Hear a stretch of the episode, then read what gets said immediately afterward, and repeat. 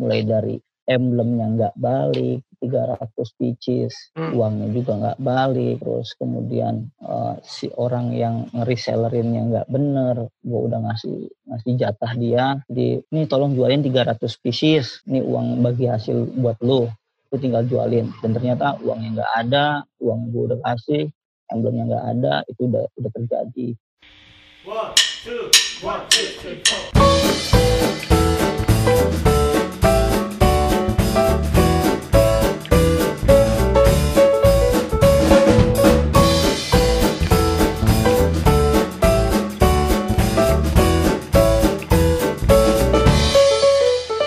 Kalau untuk gue tadi tertarik juga yang masalah bisnis sih. Kan gue juga hmm. tahu lo itu dari kuliah juga udah semangat banget buat jualan, buat bisnis gitu. Jualan ya dulu, kuliah. Su gitu ya. Apalagi gue hmm. dulu kan kayak setiap habis praktikum gue yeah. nyari lu gitu. terus beli susu. Gitu. Langgan tetap ya Jeri. Iya. Langgan tetap. Kelas. Dulu bareng Anissa kan. Iya iya iya. Iya iya. Selalu. Selalu.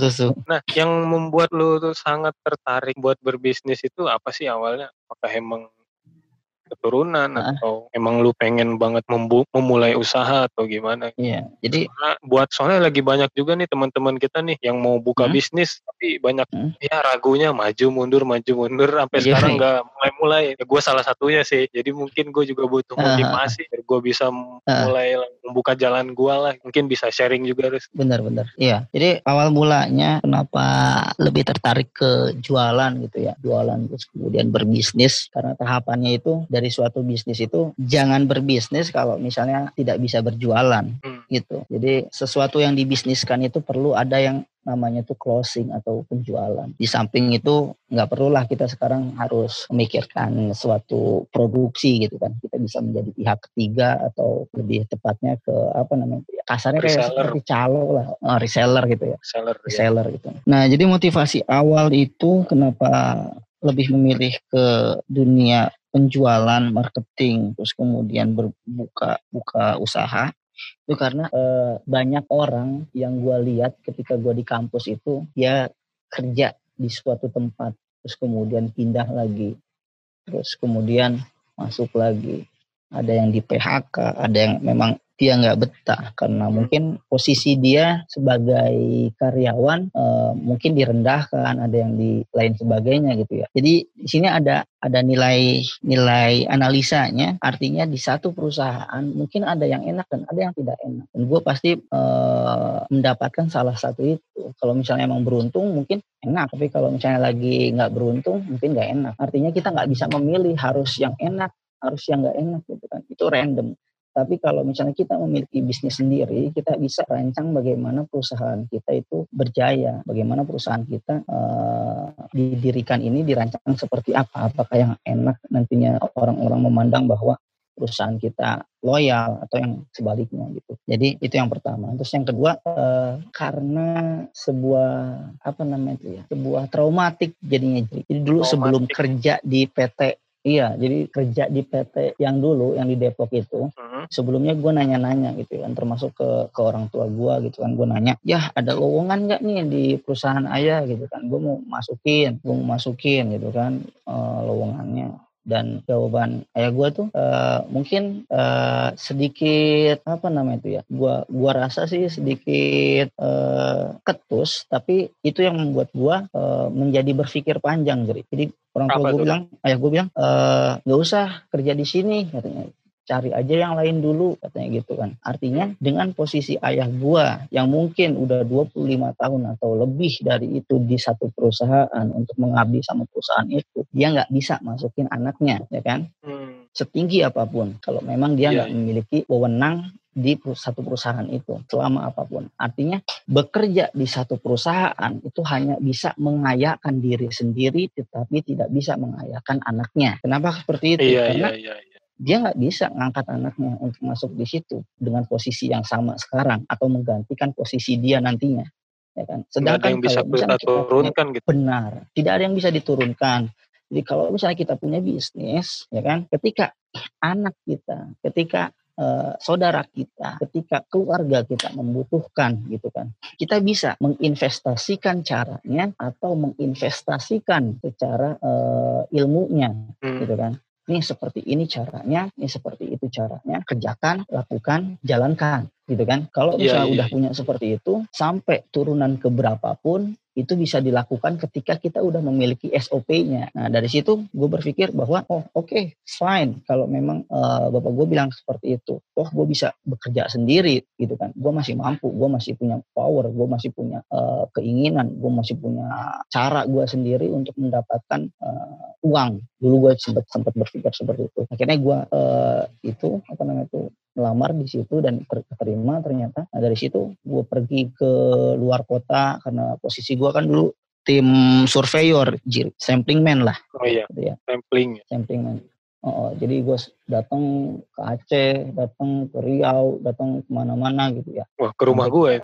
Freeport ke Riau iya paling jauh ke mana harus paling jauh ke Freeport uh -uh. Wih, di Papua di Sorong luar biasa itu dari situ nah dari kata-kata itu kalau misalnya orang tua gua ayah gua nggak bilang kayak bapak gua bilang nggak bilang kayak gitu mungkin mental gua nggak seperti mental sekarang. Jadi gue bisa melihat kondisi di setiap daerah kekurangannya itu seperti apa. Kita kita bisa memasok apa ke daerah itu. E, misalnya kayak di Kalimantan, mereka kekurangan apa. Kita bisa menganalisa gitu kan. Karena mungkin posisi gue waktu bekerja sebagai apa namanya itu tim surveyor sampling man itu terbilang eh, tidak berat jadi jadi hmm. tidak berat di apa namanya itu kan ada yang bekerja dengan otak ada yang dengan otot gitu kan ya. Otot iya.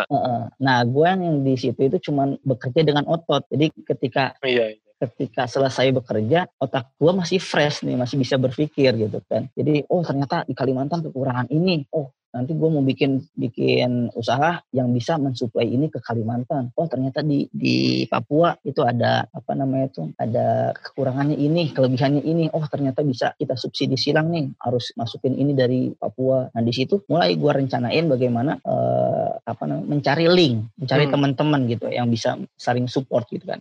Contohnya kayak sekarang bisnis Antam bisnis apa apa namanya logam mulia gitu. Logam mulia. Ini ya. bisnis logam mulia ini nggak semata-mata gue beli logam terus kemudian gue jual. Ternyata ada jalannya. Emang waktu itu gue pernah ke PT Antam itu dan gue masih kontakkan sampai sekarang. Dia yang suplai barangnya juga. Jadi gue bisa tahu harga besok dengan cara gue tahu orang dalamnya gitu kan. Gue tahu e, cara analisa e, grafik kenaikan harga besok gitu kan. Kenaikan rupiah atau kenaikan dolar. Nah, karena gue punya temen dari Antam tersebut. Hmm. dari mulai cara mengetahui gimana nih emas yang benar tuh yang tidak palsu itu yang seperti apa yang asli itu seperti apa gitu itu dibahas semua itu sama teman-teman gue yang di Antam dulu.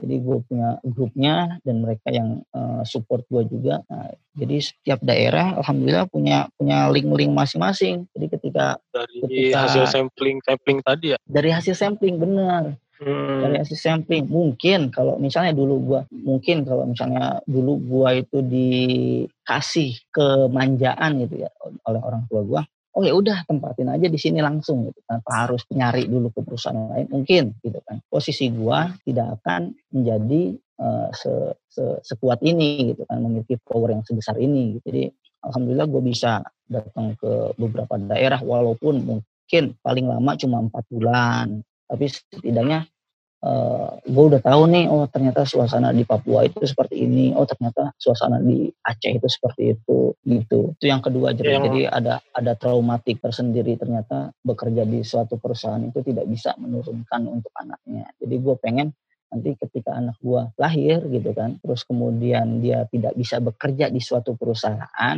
dia bisa bekerja melanjutkan usaha yang gue rintis dari saat ini. Itu yang kedua. Terus yang ketiga hmm. itu uh, yang ketiga kenapa gue milih ber, berwirausaha? Karena sahabat Nabi terus istri-istri Nabi dan nabinya itu tidak menjadi seorang karyawan tapi seorang iya, pedagang. Iya, iya. Jadi seorang pedagang itu adalah sunnah gitu kan. Yang dilakukan oleh nabi lalu kita kerjakan itu adalah sebuah sunnah gitu kan. Makanya sekarang gua lagi gencar-gencarnya pengen usaha kambing karena itu adalah sebuah pekerjaan yang dilakukan oleh nabi dan ketika kita kerjakan uang penghasilan itu dapat sunnah uh, pahala sunnahnya kita dapat. Jadi double di situ nah, jadi berdagang itu adalah sebuah sunnah Khadijah Siti Khadijah gitu kan. Uh, ibunda Khadijah seorang pedagang seorang saudagar kaya. Terus Nabi itu pedagang juga. Terus teman-temannya Nabi sahabat-sahabatnya Nabi itu seorang pedagang juga. Jadi artinya berdagang itu bukan sesuatu yang hari ini dipandang sama orang itu sebelah mata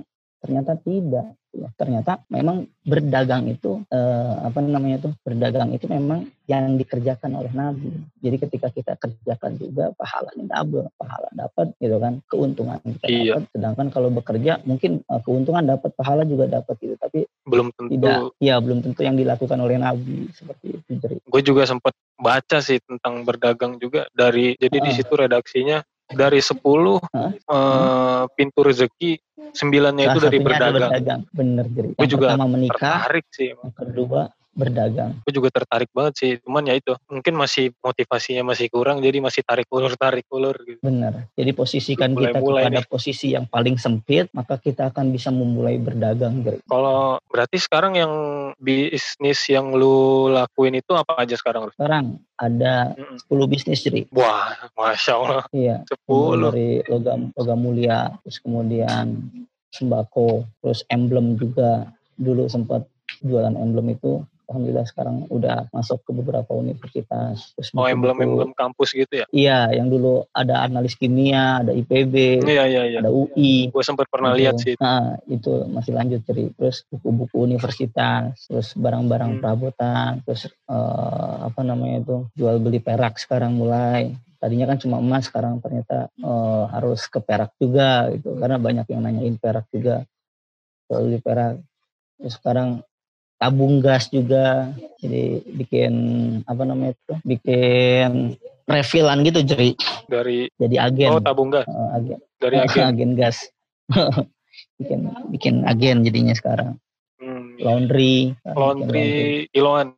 Ya laundry kiloan di sini dari ini ya.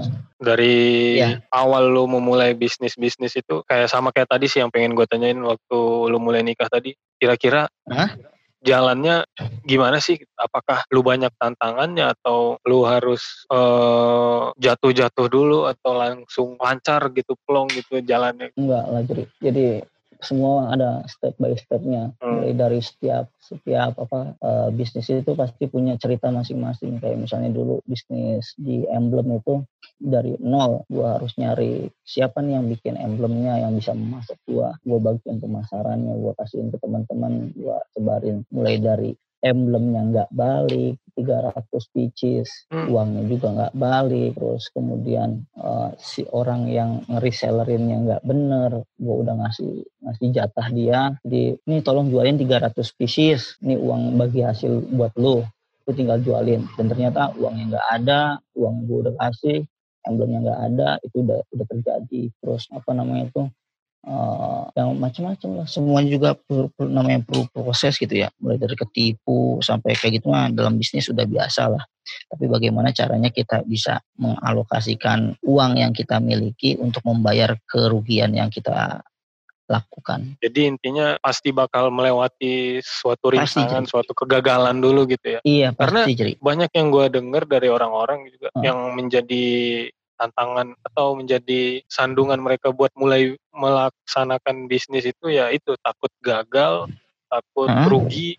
Iya. Jadinya nggak mulai-mulai sampai sekarang gitu. Iya. Takut kalau gue mulai nih nanti kira-kira gue dapat untung gak sih? Nah itu sih yang gue banyak dengerin. Iya benar-benar. Jadi kalau sistem yang gue lakuin sekarang itu kalau misalnya dagangan gue nggak habis gue kasih ke orang aja gitu setidaknya hmm. gue nggak rugi-rugi amat toh yang gue kasihkan yang gue berikan ke orang lain terjatuhnya ke gue gue juga sebagai sebagai sedekah gitu kan. Jadi kalau misalnya gue bisnis telur nih gue belum percaya nih sama cara gue berdagang bisa habis nggak ya sehari? Misalnya 15 kilo atau misalnya 50 kilo ah coba aja lah lah lah gitu gue beli hmm. telurnya gue tanpa pikir panjang mau jual ke siapa gue nggak tahu mau menjual ke siapa. Kalaupun nggak habis gue kasihin aja. Gitu sekarang rencananya jadi rencana gue tuh setiap apa yang gue lakuin pasti gitu nggak habis kasihin nggak habis kasihin daripada busuk gitu kan iya. daripada bener-bener rugi itu yang pertama yang kedua ya dari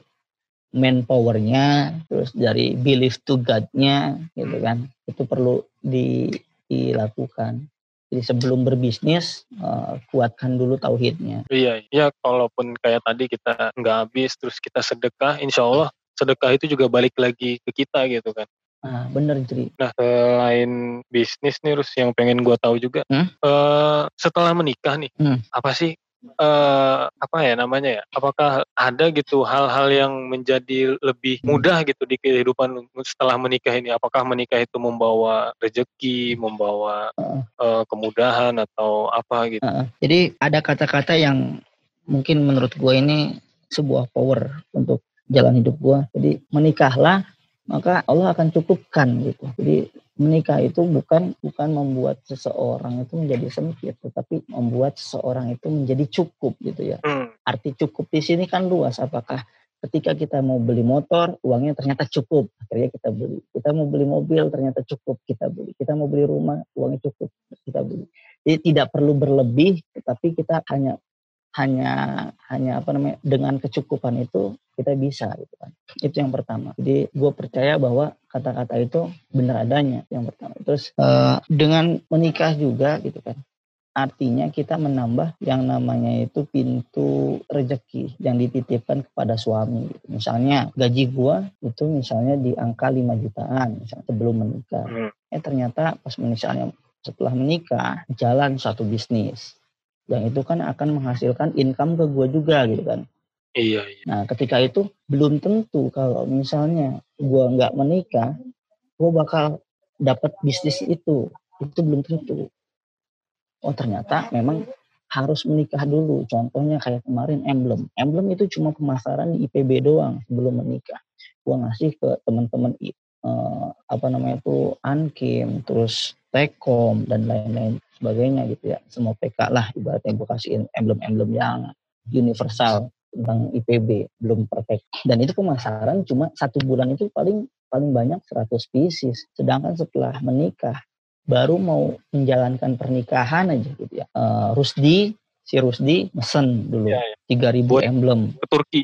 Buat di Turki bener. Artinya kan iya artinya kan oh ternyata harus menjalankan e, niatan ini dulu baru dibukakan untuk rezeki yang lain. Artinya ada ada rezeki yang dititipkan oleh Allah kepada kita gitu kan untuk menjalankan satu e, niatan yang baik yaitu menikah seperti itu. Jadi nggak percaya dong ibaratnya wah ini Rusti bercanda apa enggak gitu kan. Dia e, apa namanya itu mesen segini banyaknya gitu. Sempat bingung juga ini ngirimnya gimana. Oh ternyata kodarullah COD jadi gue nggak nggak nggak harus mikir harus ngirim ke Turki itu pakai apaan. Jadi gue datang ke SMA-nya si Rusdi itu jadinya kemarin tuh. Bisa ekspor ya. Iya langsung ekspor ibaratnya. Berarti emang semua itu balik lagi ke keyakinan kita niat kita gitu ya harus Iya benar jadi mulai niat baik. Jadi, uh -uh, jadi esensial kehidupan manusia itu kan uh, menjalankan perintah Allah, menjauhi larangan Allah. Cukup itu sebenarnya nggak perlu. Hmm. Allah nggak minta kita untuk kaya. Allah nggak perlu. Eh Allah nggak minta kita untuk uh, mencari uang sebanyak-banyaknya. gitu. Kan ada kata-kata uh, waktu bilang dapatkanlah aku maka semua akan dapat gitu kan tapi Allah bilang e, dekatilah aku dekatilah aku akan berikan semuanya gitu kan iya iya apalah itu ya waktu itu pernah pernah baca ya seperti itu jadi iya, iya. itu ada uang yang ngomong gitu kan iya iya ya uang. itu sih buat baik buat ke pendengar setiap podcast lah yang penting Iya. Setiap niat baik itu segerakan. Iya benar, segerakan. Jangan ditunda-tunda. Pasti nanti bakal ada jalannya itu balik lagi ke keyakinan kita sama Allah. Mm, bener. Oke, terus yeah. ngomong-ngomong soal Ankim nih, terus mm.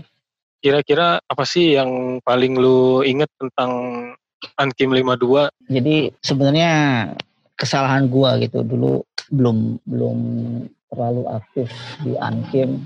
Maaf nih buat teman-teman Ankim 52 dari awal perkuliahan gue jarang nongkrong, gue jarang kumpul-kumpul bareng terutama yang cowok-cowoknya. Gue jarang ikutan pergi ke mana-mana gitu ya mulai dari pergi waktu ke mana Mega Mendung gue nggak ikut waktu terakhir itu ke Batu juga gue nggak ikut field trip ya ya field trip yang lain-lain jadi gue minta maaf nih buat teman-teman karena uh, dulu memang posisinya uh, dikatakan limited jadi uang sakunya limit lah ibaratnya ya. Jadi gue berpikir gimana caranya uh, gue tidak memberatkan orang tua gue. Iya, iya. pertama. Terus yang paling gue ingat dari Ankim itu uh, mulai dari MPKMB gue masih ingat banget. Terus kemudian di semester, semester setiap semesternya lah semua pasti ada ceritanya.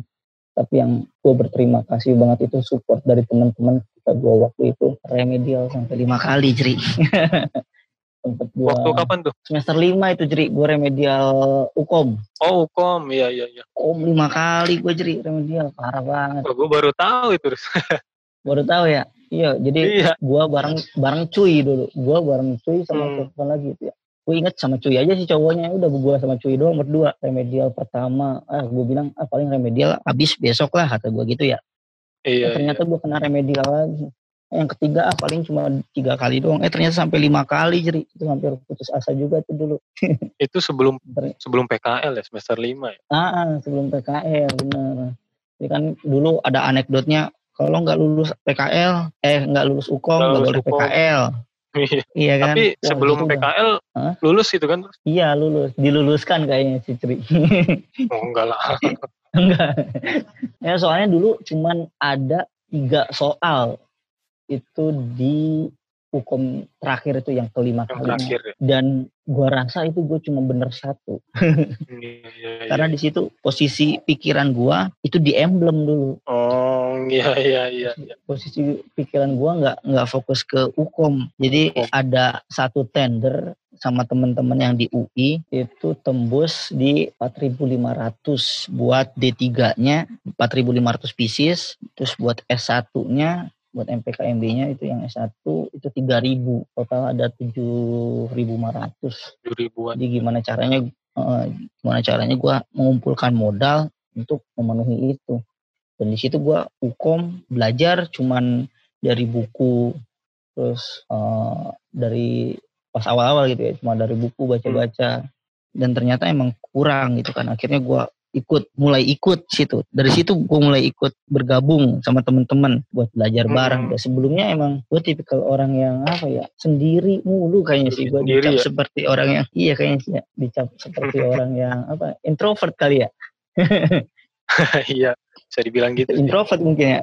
Jadi semua yang gue gua rasa tuh gitu. Gue bisa ngerjain sendiri ya oke okay, gue gua kerjain. Eh ternyata memang di situ gue di, di, disadarkan gitu ya bahwa emang kita hidup itu tidak bisa sendiri. Gue perlu iya. ilmu orang lain. Gue diajarin sama Taskia gue diajarin sama Nur Ilmi gue diajarin sama uh, Anindya. Anindi Anindi Anindia Anindita ya? Saya lupa ya. Anindia kan Anin, Anin si Anin. Oh, hmm, ya Anin. Iya sama Ruswanda juga gue minta catatannya semua ke Boteng juga dulu kan minta kisi-kisi ke hmm. Adam pokoknya semua lah gue terima kasih banget mungkin kalau tanpa bantuan kalian semua gitu ya teman-teman Ankim 52 yang gue nggak bisa se sekuat ini gitu ya gue nggak bisa semampu ini gitu. ya gue juga di tingkat-tingkat akhir itu emang bangga banget sih sama angkatan kita gitu hmm. karena gue kerasa banget gitu kekompakan satu sama lain yang hmm. saling bantu buat hukum hmm. terus seminar juga saling bantu sidang saling bantu. Benar. kerasa banget gitu ya di akhir tapi kenapa kerasanya di akhir-akhir doang gitu ya?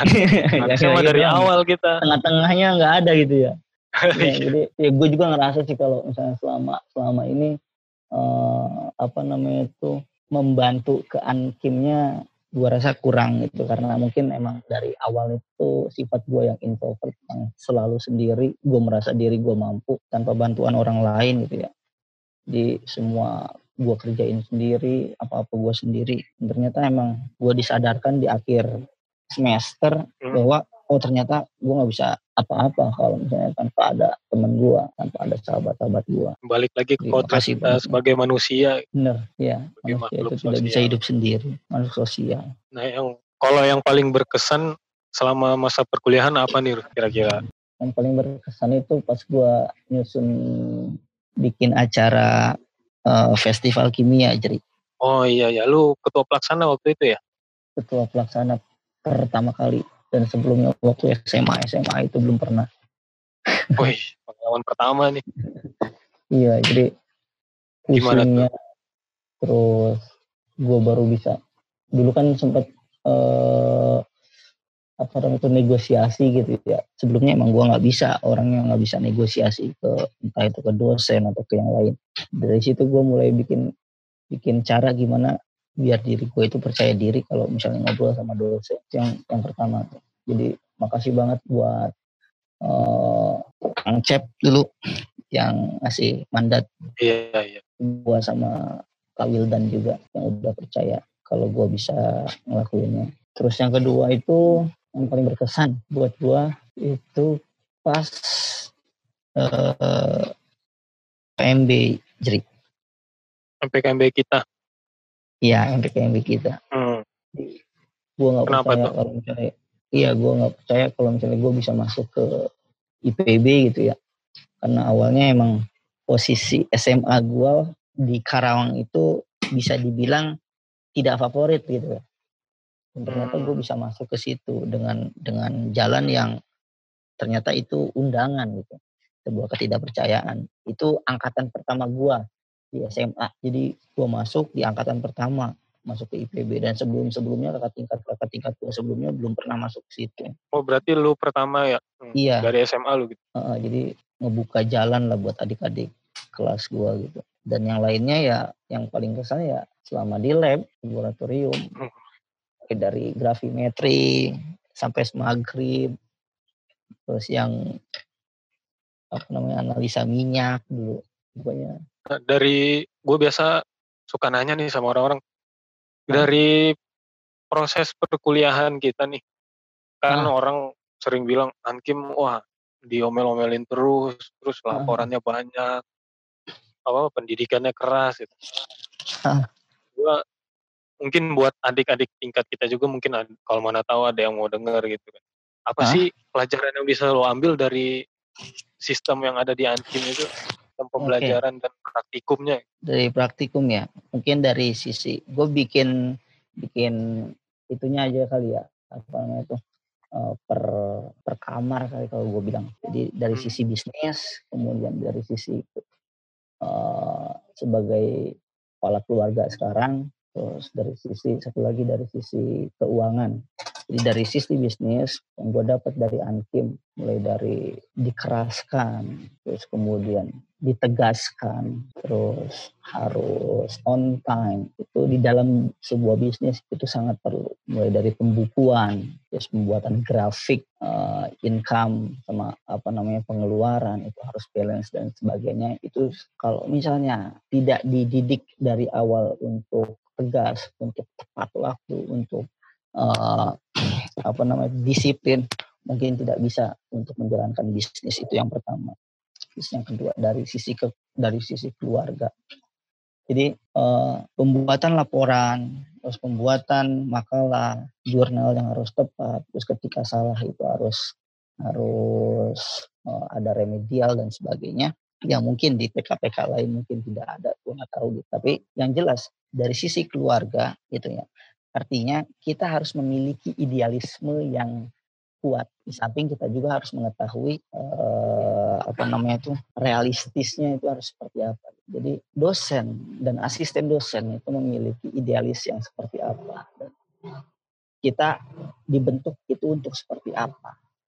Nah, kalau misalnya kita sebagai kepala rumah tangga tidak memiliki idealis, otomatis kita bingung dong mau membuat keluarga itu yang seperti apa. Oleh karena itu gue harus menuntun istri gue seperti ini gitu. seperti dosen dan asisten dosen itu menuntun uh, apa namanya itu mahasiswa mahasiswanya harus seperti itu itu yang kedua terus yang ketiga dari sisi keuangan itu perlu banget yang namanya uh, laporan itu harus jadi sebelum. Misalnya kalau misalnya teman-teman masih gajian dan uh, pendapatannya masih dari perusahaan itu perlu yang namanya uh, laporan keuangan. Entah itu uang yang dibelanjakan seperti apa dibelanjakan untuk apa ke mana dan kepada siapa gitu kan. Itu perlu. Karena kenapa? Kalau misalnya tidak dari sekarang kita apa namanya membuat laporan keuangan kayak gitu. Nantinya kita keasikan gitu keasikan. Dan kita lupa bagaimana caranya berinvestasi. Karena zaman sekarang udah nggak zaman lagi. Zamannya nabung itu udah nggak zaman. Karena nabung itu kalau kita nabung satu juta 10 tahun yang akan datang bukan satu juta lagi atau 10 juta lagi gitu ya. Kita perlu investasi. Jadi udah bukan zamannya uh, menabung. Nah, kalau misalnya kita nggak bisa bikin bikin neraca atau kita nggak bisa ngebikin laporan keuangan yang mungkin uh, kita analogikan sebagai laporan laporan harian gitu ya setiap praktikum itu mungkin tidak akan terbiasa tangan ini untuk menulis, tangan ini untuk mencatat, tangan ini untuk merangkum gitu. Mungkin tidak bisa. Jadi teman-teman yang sekarang masih uh, dalam perkuliahan, tolong jangan mengeluh gitu ya. Uh, nikmati sebuah proses karena nanti akan ada masa di mana kita tuh ngeh, kita tuh sadar bahwa itu memang perlu dilakukan, itu memang harus uh, dilatih. Jadi jangan sampai sekarang lu oh laporannya banyak kan Kim nggak bisa tidur begadang terus jam 3 baru tidur jam tujuhnya jam tujuhnya harus uh, apa namanya itu bangun lagi praktikum lagi terus ujian lagi kuis lagi. Jadi itu adalah sebuah tantangan yang harus dimiliki oleh seorang pebisnis.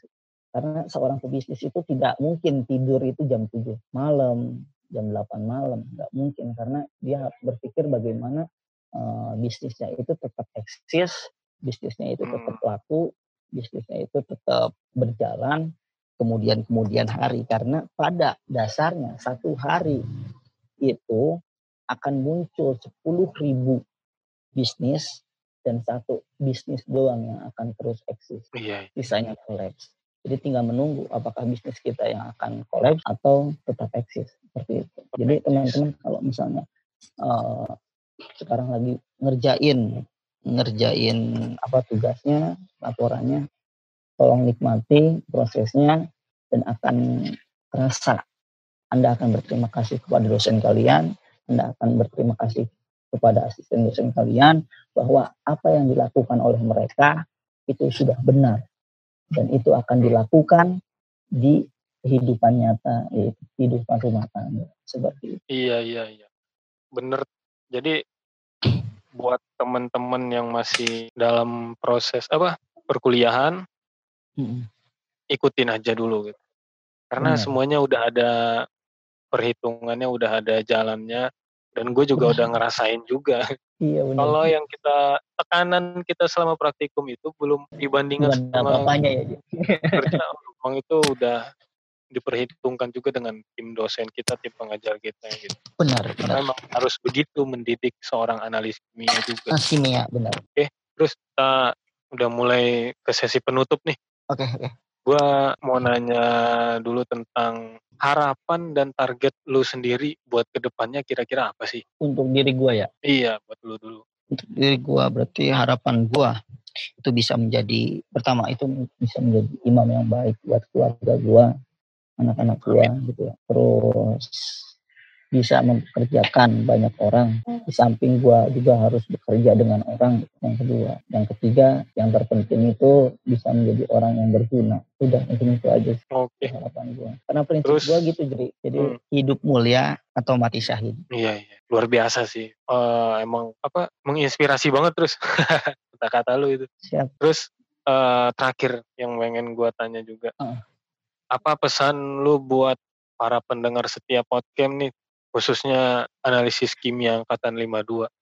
Pesan-pesan yang hmm. pengen lu sampaikan buat teman-teman. Iya, buat teman-teman yang sedang mendengarkan podcast ini khususnya untuk analis kimia angkatan 2 gitu, angkatan 52, jangan jangan berhenti untuk mengejar cita-cita kalian jangan berhenti untuk mengejar cita-cita orang tua kalian karena eh, kesuksesan kalian itu bukan didasar didasari oleh eh, apa yang kalian lakukan tapi pastinya ada eh, campur tangan dari doa-doa ibu kalian dari doa-doa ayah kalian mungkin setiap malamnya itu selalu disenandungkan. Yang kedua, bagi teman-teman yang sedang bekerja gitu, sedang bekerja, jangan terlalu nyaman akan pekerjaan kalian karena pada dasarnya setinggi apa pun jabatan kalian, kalian itu bukan pemilik perusahaan.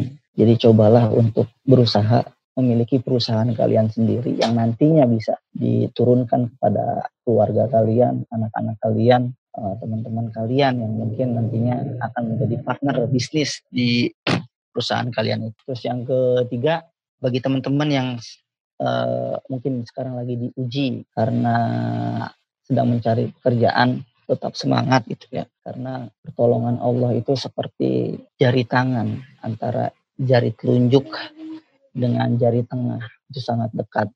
Jadi uh, belief to God-nya harus diperkuat.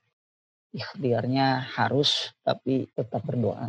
Itu yang ketiga. Terus kemudian teman-teman yang lagi perkuliahan